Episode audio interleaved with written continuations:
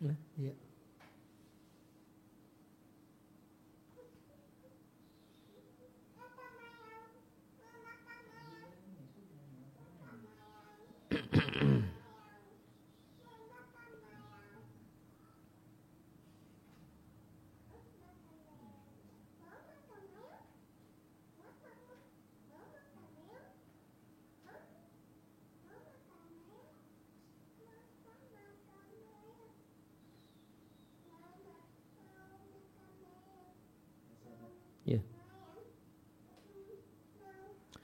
Alhamdulillah wassalatu wassalamu ala rasulillah wa ala alihi wa sahbihi wa man tabi'ahum bi ihsanin ila yaumidin amma ba'd.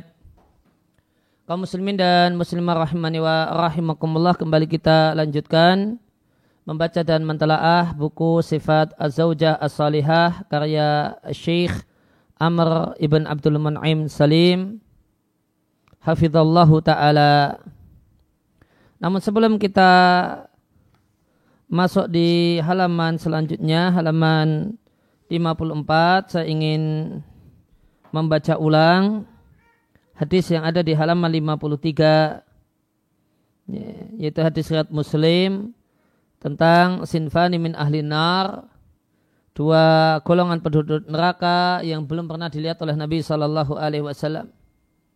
Saya ingin baca ulang hadis tersebut dengan membaca uh, sarah Sahih Muslim yang berjudul Al-Bahru Al-Muhid As-Sajjad Syarhu Sahih Imami Muslimin Ibn Al-Hajjaj. Di di kitab Libas Wazina bab tentang wanita yang berpakaian namun telanjang Maka hadis ini dari sahabat Abu Hurairah Rasulullah Shallallahu Alaihi Wasallam menyampaikan ada dua jenis penghuni neraka yang aku belum pernah melihat keduanya, kata Qurtubi. Artinya dua golongan ini tidak dijumpai di masa Nabi Shallallahu Alaihi Wasallam. Hal itu karena uh, bersihnya orang yang hidup di zaman yang mulia itu. Dan secara tidak langsung ini menunjukkan bahasanya dua golongan ini akan dijumpai wakadhalika kana dan demikianlah realitanya. Maka setelah masa Nabi Shallallahu Alaihi Wasallam dijumpai sekelompok laki-laki yang senantiasa membawa cambuk yang bikin sakit, cambuk yang menyakitkan. Yang sebenarnya cambuk semacam ini tidak boleh digunakan sebagai alat pukul untuk hukuman had semacam zina eh, dalam keadaan belum menikah yaitu 100 kali cambuk. Maka cambuk semacam itu tidak boleh digunakan sebagai alat untuk menghukum dalam rangka menyiksa orang lain. Manakala orang yang memegang cambuk tadi diperintahkan untuk menegakkan hukuman had atau hukuman takzir. Hukuman takzir adalah hukuman yang berdasarkan pertimbangan eh, hakim karena syariat tidak menentukan apa bentuk hukumannya dan kadarnya.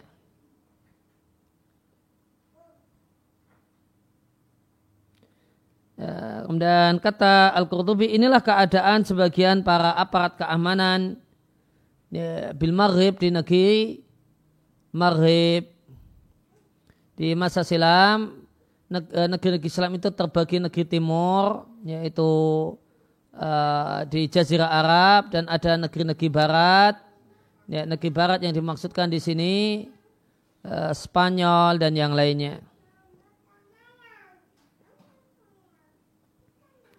Nah, maka dua kelompok penghuni neraka tersebut yang pertama sekelompok laki-laki yang membawa siatun cambuk. Yang cambuknya cambuk yang demikian besar ke asnabil bakar seperti ekor sapi yang dia gunakan untuk mukuli orang lain.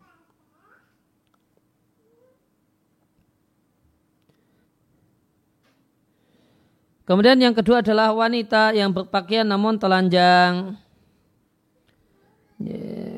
Kalau Ibn Abdul Bar Al-Maliki menjelaskan yang dimaksudkan adalah wanita yang memakai pakaian yang transparan yang menggambarkan apa yang ada di balik pakaian tersebut dan tidak memiliki sifat menutupi. Itu penjelasan Ibn Abdul Bar.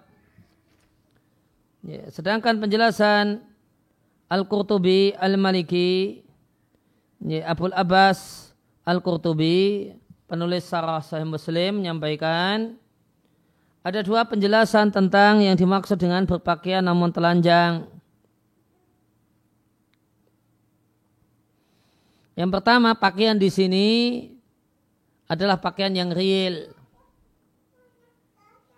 Kemudian yang berpendapat pakaian itu adalah pakaian yang real menjelaskan yang dimaksud berpakaian adalah memakai pakaian yang transparan yang tidak menutupi atau membuka sebagian daya tariknya yaitu sebagian e, tubuhnya padahal dia memiliki pakaian yang sempurna menutupi. Yang ini kata Abul Abbas Qurtubi sebagaimana kelakuan para pelacur yang terkenal dengan kefasikan. Ya, maka pelacur di zaman uh, Abbas Qurtubi itu hanya sekedar memakai ya, sebagian ya uh, memakai pakaian yang menutupi sebagiannya dan membuka yang lain. Ya, lain hanya dengan ya, pelacur di zaman kita atau wanita nakal zaman kita banyak dijumpai yang ya, tari telanjang, klub nudis dan yang lainnya. Kemudian yang kedua pakaian di sini adalah pakaian yang abstrak, yaitu berpakaian. Pakaian dan telanjang di sini adalah bersifat abstrak, artinya berpakaian karena memakai kain, namun telanjang karena tidak memiliki takwa. Hatinya tidak berbalutkan takwa. Maka tentang apa makna telanjang? Uh, Abu Abbas Qurtubi memberikan dua tafsiran. Ada tafsiran telanjang di sini ada telanjang non fisik dan ada yang menjelaskan telanjang fisik. Kalau telanjang fisik maka ada dua. Ada dua berpakaian namun pakaiannya transparan atau berpakaian namun cuma menutupi sebagian. Nah, namun terbuka sebagian yang lain.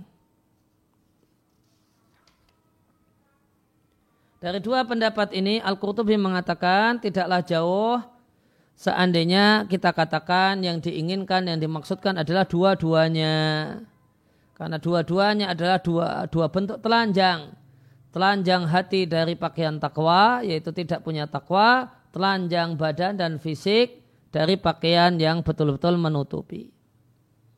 Sebagaimana kata Al-Maziri, beliau menjelaskan yang dimaksud berpakaian namun telanjang, itu ada tiga penjelasan. Yang pertama berpakaian penuh dengan nikmat Allah, telanjang dalam artian tidak bersyukur. Kemudian ini berarti telanjangnya telanjang non fisik. Kemudian dua dan tiga adalah telanjang fisik. Yang kedua, berpakaian untuk sebagian badan, telanjang untuk sebagian yang lain. Kenapa sebagian yang lain dibuka? Idharan lil jamal, karena mau pamer kecantikan. Yang ketiga, ya, berpakaian namun dengan pakaian yang transparan sehingga menggambarkan ma tahtaha apa yang ada di balik pakaian tersebut.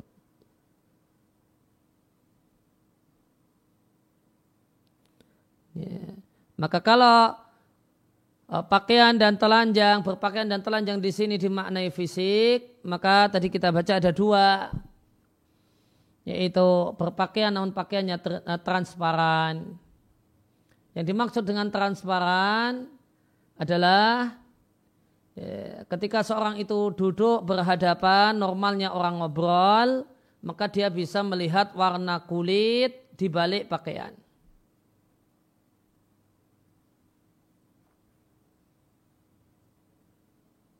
Kemudian yang kedua adalah menutupi sebagian dan membuka sebagian yang lain yang semestinya wajib ditutupi dalam dan ini dilakukan karena memamerkan kecantikan. Dan kita katakan bisa ditambah yang ketiga yaitu berpakaian namun super ketat, press body ini juga sepertinya berpakaian namun ngepress body maka seakan-akan tidak berpakaian. Nah kemudian selanjutnya wanita yang Nabi maksudkan itu mumilatun ma'ilatun. Membuat orang lain condong dan dia sendiri condong.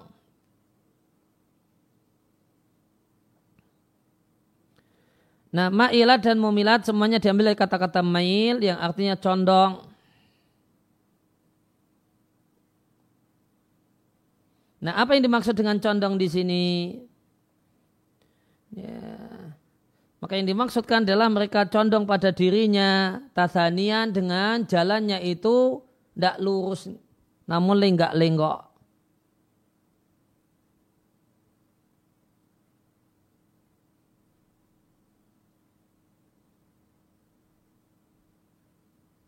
Kemudian uh, tasanuan, kemudian uh, dia tidak uh, ketika berpenampilan dia tidak natural namun dibuat-buat dalam rangka untuk membuat condong dan tertarik hati laki-laki. Sehingga laki-laki pun tertarik padanya dan tergoda dengannya. Maka kalau berdasarkan penjelasan ini, maka yang ideal, maka yang tepat Itu ma'ilat dulu baru mumilat. Karena orangnya ma'ilat, jalannya lenggak-lenggok, kemudian dandanannya itu dibuat-buat, bermake up dan yang lainnya, pakai parfum dan sebagainya untuk memikat laki-laki. Kemudian mumilat dia membuat condong hati laki-laki agar condong pada dirinya dan tertarik pada dirinya.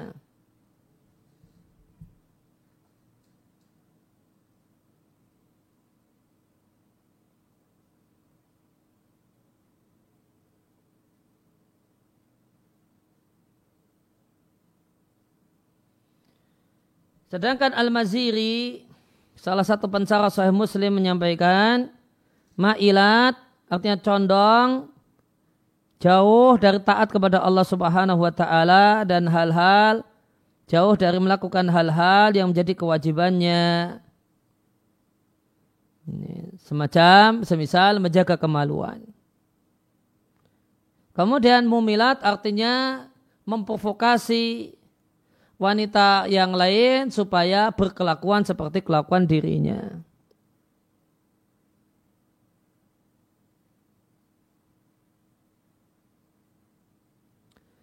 Kemudian pada penjelasan yang kedua dari Al-Maziri, ma'ilat artinya lenggak-lenggok ketika berjalan. Ketika berjalan itu sambil menggerak-gerakkan pundaknya demikian. Nih. Ketika jalan itu pundaknya dibuat-buat, digoyang-goyang.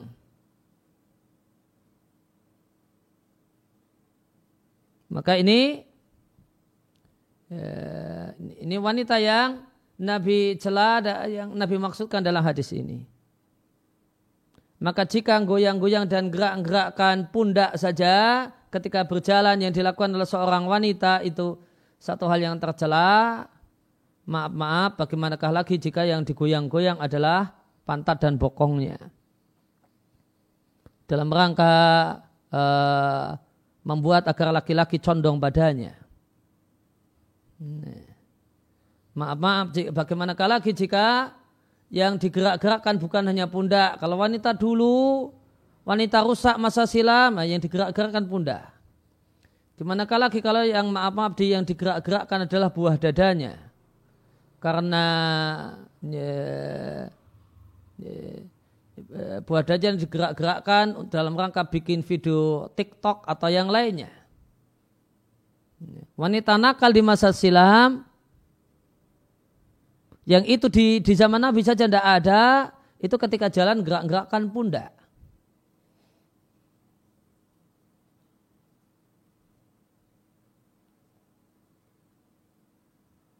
Kemudian penjelasan yang ketiga, ma'ilat itu artinya bersisir dengan sisiran yang condong. Yang itu merupakan gaya tata rias rambut pelacur di masa silam. Sedangkan mumilat artinya ya, nyisiri perempuan yang lain dengan sisiran semacam itu. Ya, yang dimaksudkan adalah sisiran yang condong itu uh, rambut yang panjang milik perempuan ini dikumpulkan kemudian ditaruh di pinggir. Ditaruh di pinggir. Yang ketiga jalan, kemudian di sini ada sehingga ada apa tonjolan.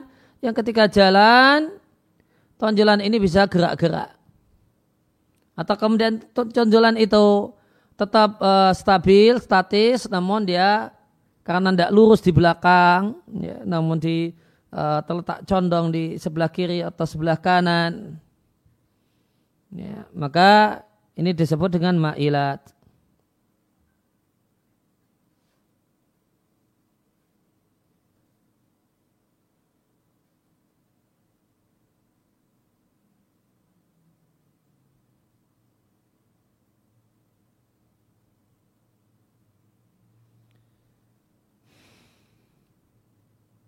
Ya, maka uh, uh, sisiran tersebut bentuknya adalah mengipang rambut.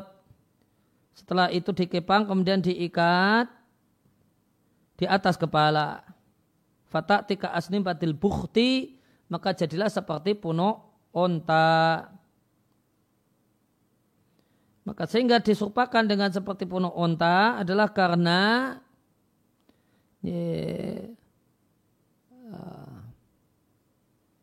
Nah, rambutnya dikucir atau dijalin, kemudian ditaruh di atas. Sehingga karena demikian banyak ya, jalinan rambut di atas yang dikumpulkan di atas tadi, sehingga jalinan rambut tersebut tidak bersifat statis, stabil, namun ya, lebih condong ke salah satu sisi kepala.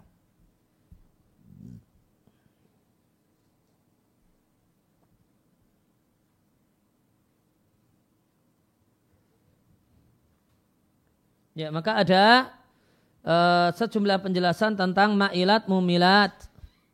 Itu apa yang dimaksudkan dan apa yang diinginkan. Ya, maka ada yang menjelaskan artinya adalah jalan lenggak-lenggok. Jangan lenggak-lenggok ketika jalan di ya, ya, ketika jalan atau ketika jalan lenggok-lenggok ketika acara uh, apa passion show gitu. Maka itu ma'ilat. Sedangkan mumilat itu yang ngajari. Ya, ngajari perempuan yang lain agar ya, agar jalannya lenggak-lenggok ini loh jalan supaya menarik perhatian laki-laki lenggak-lenggok seperti ini. Itu penjelasan uh, yang pertama.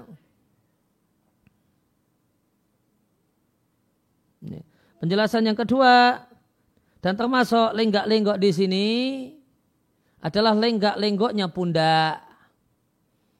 Ini, jalan sambil pundaknya lenggak-lenggok.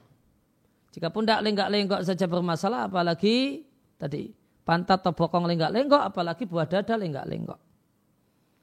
Ya, kemudian mumilat artinya yang ngajari dan memprovokasi, mendorong orang lain agar seperti itu supaya jadi artis di TikTok, nah, maka seperti ini loh. Ya, dengan goyang-goyang buah dada, ya, nanti ratingnya naik dan ada uh, manfaat demikian dan demikian jadi terkenal dan sebagainya. Kemudian yang kedua, Ya, ma'ilat mumilat adalah berkenaan dengan tat, model tata rias rambut. Yaitu dengan model rambut dikumpulkan ya, di salah satu sisi. Atau di atas, namun dibuat besar sampai condong kepada salah satunya. salah satu sisi. Kemudian makna yang ketiga adalah yang dimaksud dengan ma'ilat mumlat condong dan membuat condong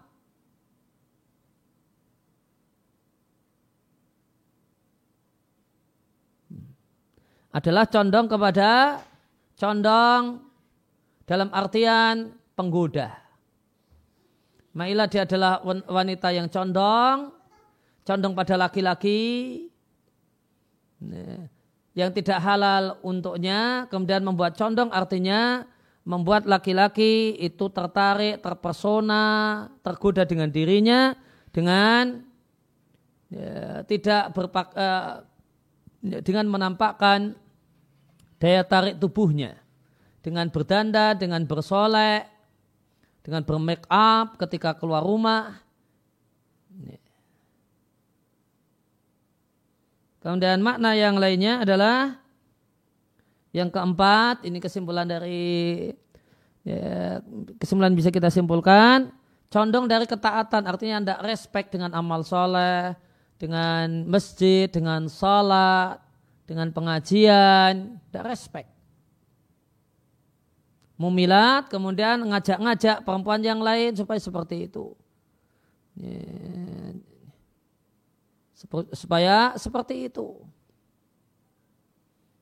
Memprovokasi perempuan yang lain agar seperti dirinya yang jauh dari ketaatan, jauh dari amal soleh, jauh dari masjid dan yang dan seterusnya. Ini ada empat pemaknaan untuk ma'ilat mumilat.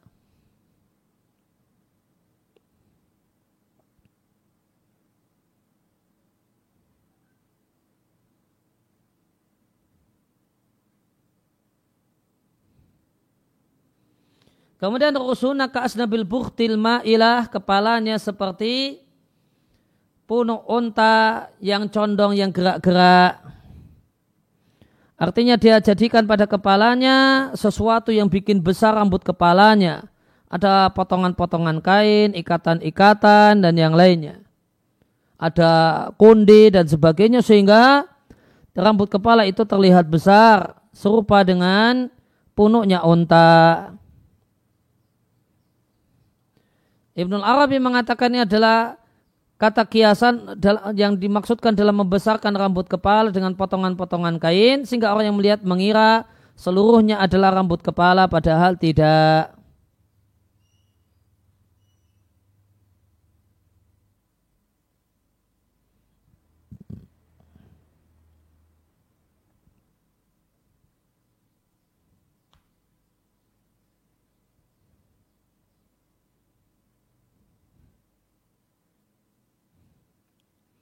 Nah, maka wanita eh, dan ini hadis ini adalah di antara bukti kenabian karena Nabi mengkabarkan sesuatu yang belum terjadi dan ternyata terjadi sebagaimana yang Nabi kabarkan. Maka mereka ini Nabi ancam, wanita semacam Nabi ancam tidak masuk surga dan tidak mendapatkan bau surga seandainya dia masuk surga. Ya, sebagaimana bau surga yang demikian wangi yang dicium oleh wanita-wanita uh, yang menjaga kehormatan. Dan bukanlah maknanya mereka tidaklah masuk surga sama sekali. Karena semua orang yang melakukan maksiat asalkan masih punya iman, maka pasti masuk surga.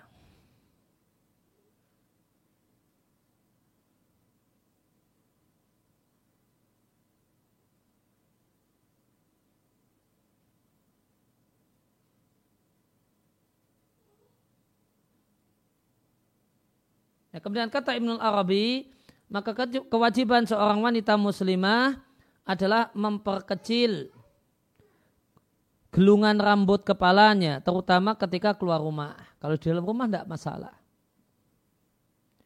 Beliau katakan jika rambutnya itu panjang, maka yang lebih disarankan rambut tersebut diurai. Di balik punggung tidak dikumpulkan. Wala tu'azimu tidak dikumpulkan dan dibesarkan.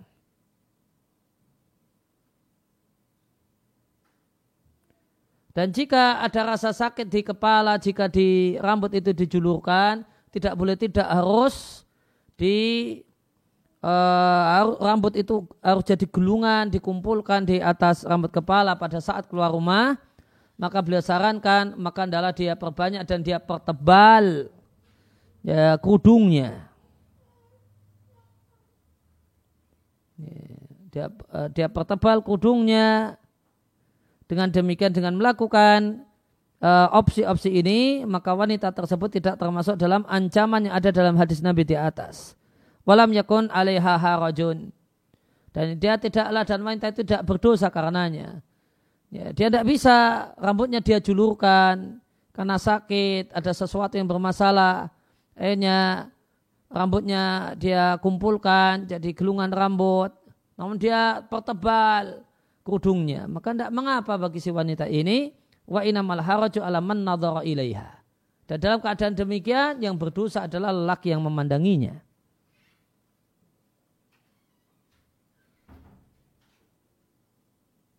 Nah bukti itu jamak dari bukti ya ada satu jenis onta yang badannya besar, punuknya uh, punuknya juga besar.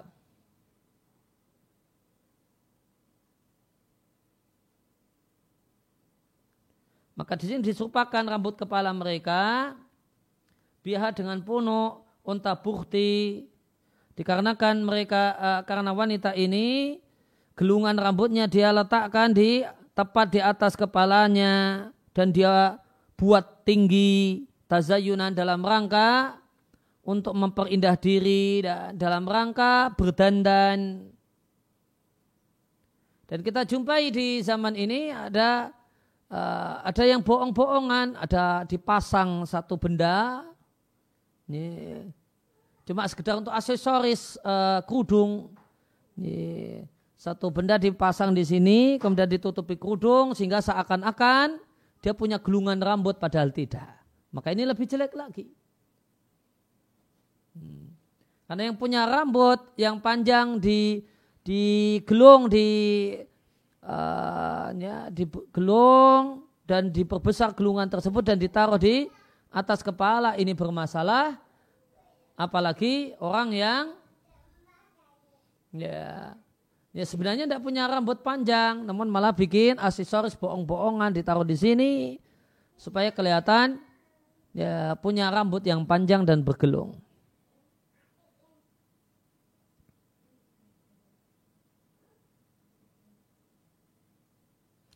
Nah, La kenal jannata maka mereka ini tidak masuk surga itu masuk surga bersama orang-orang yang masuk surga atau masuk surga tanpa adab.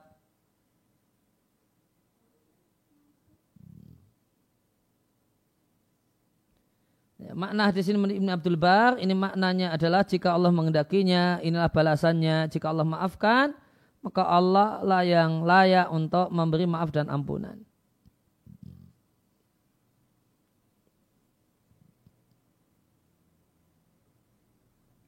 mereka tidak menjumpai baunya dan baunya dijumpai dari jarak sekian dan sekian yaitu 500 tahun naik unta. Sebagaimana dalam riat muatta, sedangkan bau surga itu dijumpai dalam perjalanan 500 tahun naik unta wallahu a'lam. Ya, pelajaran yang bisa kita petik dari hadis ini, dalam hadis ini terdapat mukjizat kenabian karena terjadilah dua kelompok manusia ini dan keduanya ada di zaman ini dan yang dahulunya di zaman Nabi tidak ada.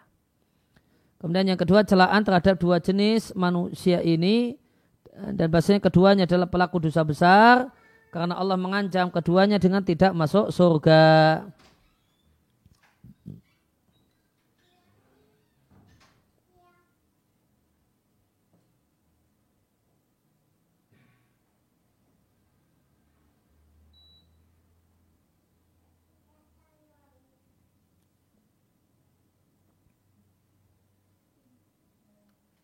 Kemudian kandungan yang lainnya haramnya apa yang disebutkan dalam hadis yaitu seorang itu memiliki cambuk yang besar untuk memukul orang lain atau demikian juga seorang perempuan memiliki pakaian yang tidak menutupi tubuhnya. Demikian juga membesarkan rambut kepala sehingga seperti seakan-akan punuk unta yang besar. Maka mereka mereka ini berhak untuk masuk neraka dan tercegah dan terlarang untuk masuk surga bahkan terlarang untuk mendapatkan bau surga. Padahal bau surga itu bisa tercium dari jarak 500 tahun.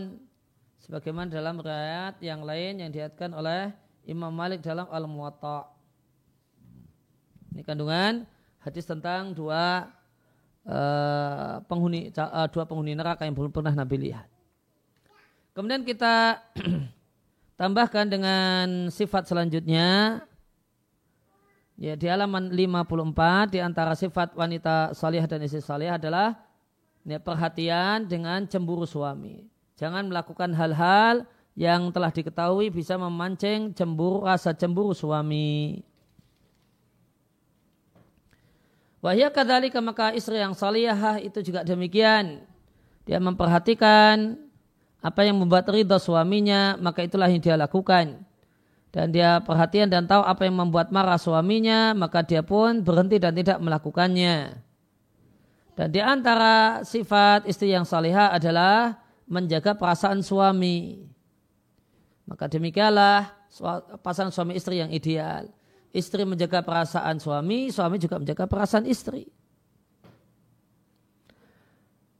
Ya, maka menjaga perasaan suami dan mempertimbangkan kecemburuan suami, terutama jika suami adalah seorang lelaki yang sangat pencemburu. Maka hendaknya seorang wanita muslimah salihat tidak melakukan hal-hal yang membangkitkan cemburu suami meskipun hal tersebut satu hal yang halal hukumnya. Nah, contoh teladan wanita salihah dalam masalah ini adalah Asma putri Abu Bakar As-Siddiq radhiyallahu taala anhuma dan kakaknya Ibunda Aisyah radhiyallahu anha namun lain ibu.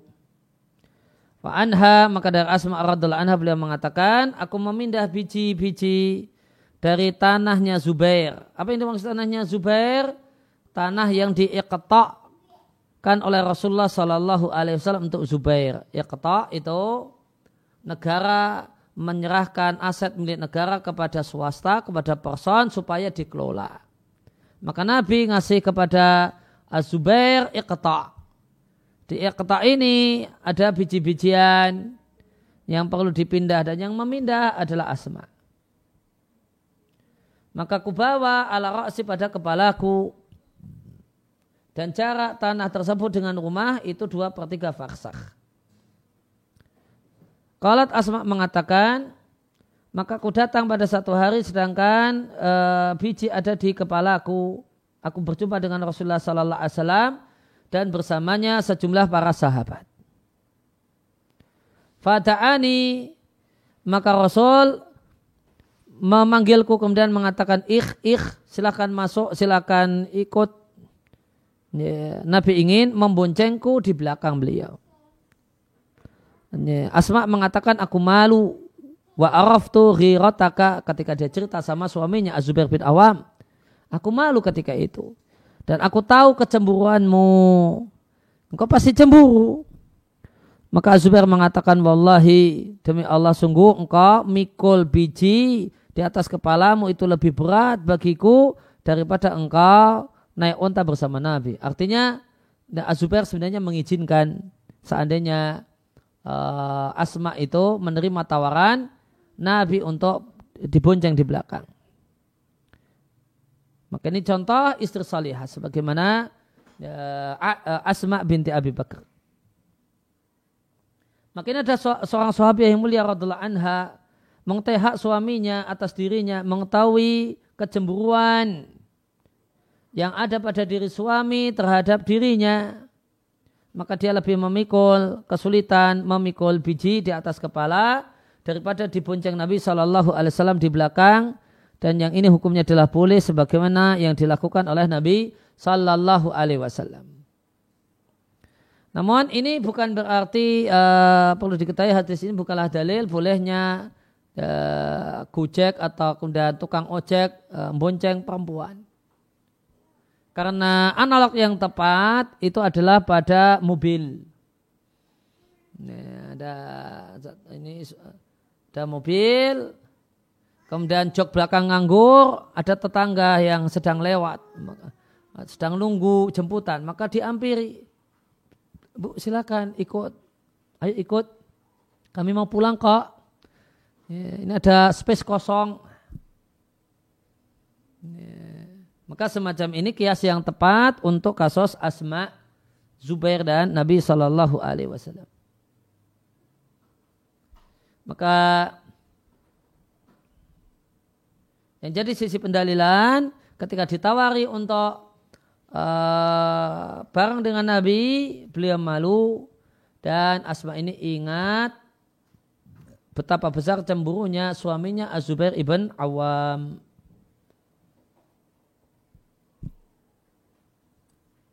Meskipun e, ternyata Zubair tidak demikian. Ya, engkau mikul biji di kepala itu lebih berat bagiku daripada engkau dibonceng oleh Nabi Sallallahu Alaihi Wasallam.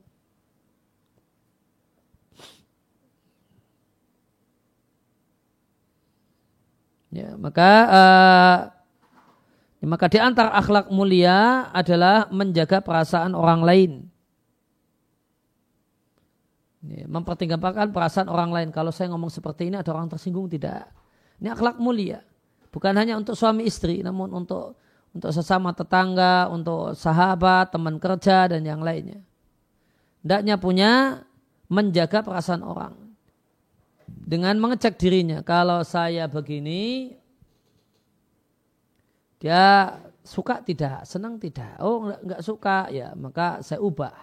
Tidak berbuat demikian dan tidak berucap demikian. Oh, tidak apa-apa kok seperti itu. Ya sudah, maka tidak apa-apa. Itu menjaga perasaan orang lain.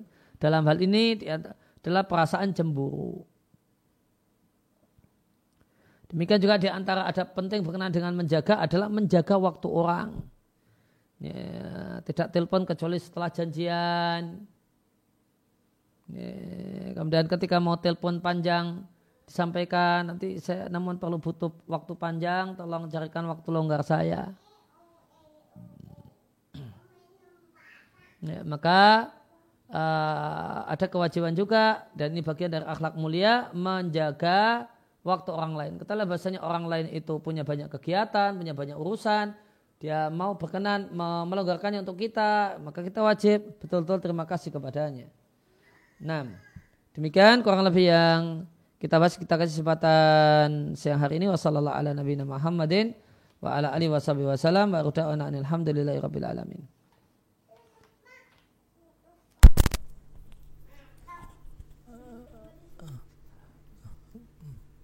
Baik, saat uh, sudah ada beberapa pertanyaan yang insya Allah akan kami bacakan. Uh, pertanyaan yang pertama Ustaz Assalamualaikum warahmatullahi wabarakatuh. Waalaikumsalam warahmatullahi wabarakatuh. Wanita di zaman ini sering kita temui menggunakan hotpad atau celana yang pendeknya di atas lutut. Padahal paha adalah aurat yang bahkan sesama wanita saja tidak boleh diperlihatkan. Apakah hal tersebut, hal seperti ini lebih berdosa daripada wanita yang telanjang dada? Ya, kalau yang ditanyakan adalah ketika di hadapan sesama perempuan. Ada wanita yang telanjang dada dan ada wanita yang pamer paha. Maka manakah yang lebih berdosa? Jawabannya yang pamer paha. Karena jika di hadapan sesama muslimah, ya, karena jika di hadapan sesama muslimah, ya, maka uh, aurat seorang muslimah yang tidak boleh dinampakkan kepada muslimah yang lain adalah sebagaimana pendapat mayoritas para ulama pusar sampai lutut. Sedangkan uh, uh, dadanya tidak. Namun ingat ini ketentuan ini jika uh, muslimah dengan sesama muslimah.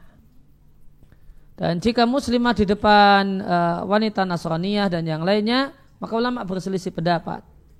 Apa yang wajib ditutup? Ini apa yang wajib ditutup? Ketika di hadapan sesama uh, dapat wanita namun non muslim.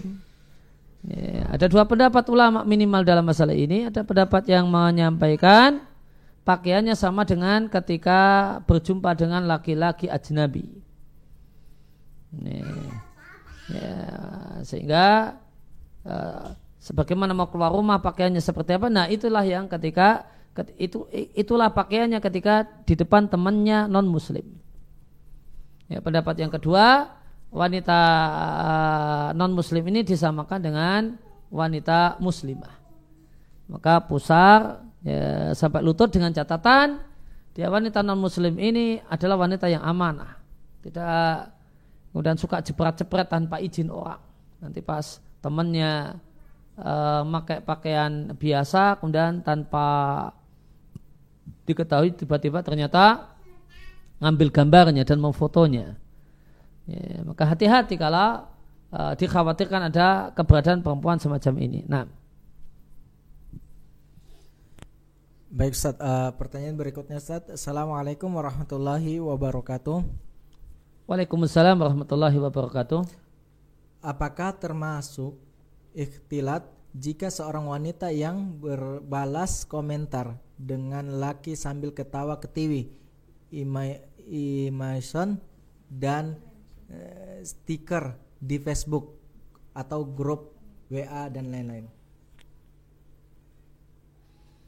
Ya, jika jika pembicaraannya pembicaraannya tidak diperlukan, ya, jika pembicaraannya tidak diperlukan dan hanya senda gurau, uh, bukan satu hal yang ada hajat, ya, maka di meskipun di keramaian, misalnya di keramaian grup laki-laki dan perempuan, maka ini berarti ikhtilat, ikhtilat dunia maya. Ya, demikian juga manakala di di komen di Facebook dan ketawa ketiwi dengan berbalas dengan uh, komen dengan lelaki yang lain dan itu satu yang tidak diperlukan. Sekedar guyonan. Ya maka ini ikhtilat dunia maya yang terlarang. Nah. Baik saat uh, eh, Pertanyaan berikutnya Sat. Assalamualaikum warahmatullahi wabarakatuh. Waalaikumsalam warahmatullahi wabarakatuh. Semoga Allah selalu menjaga Ustadz dan keluarga juga kaum muslimin seluruhnya. Amin. Izin bertanya Ustadz, bolehkah kalau kami eh, sedang sholat ataupun di rumah menggulung rambut karena gerah? Boleh, eh, kalau di rumah boleh saja. Yang tidak boleh tadi kita baca eh, perkataan Ibnul Arabi, tidak boleh kalau eh, ketika keluar rumah. Nah. Baik, Sat, uh, pertanyaan berikut yang rupanya yang terakhir saat dalam kesempatan ini apakah ayah dari ibu mertua termasuk mahram? Jazakumullah khairan. Ayah dari ibu mertua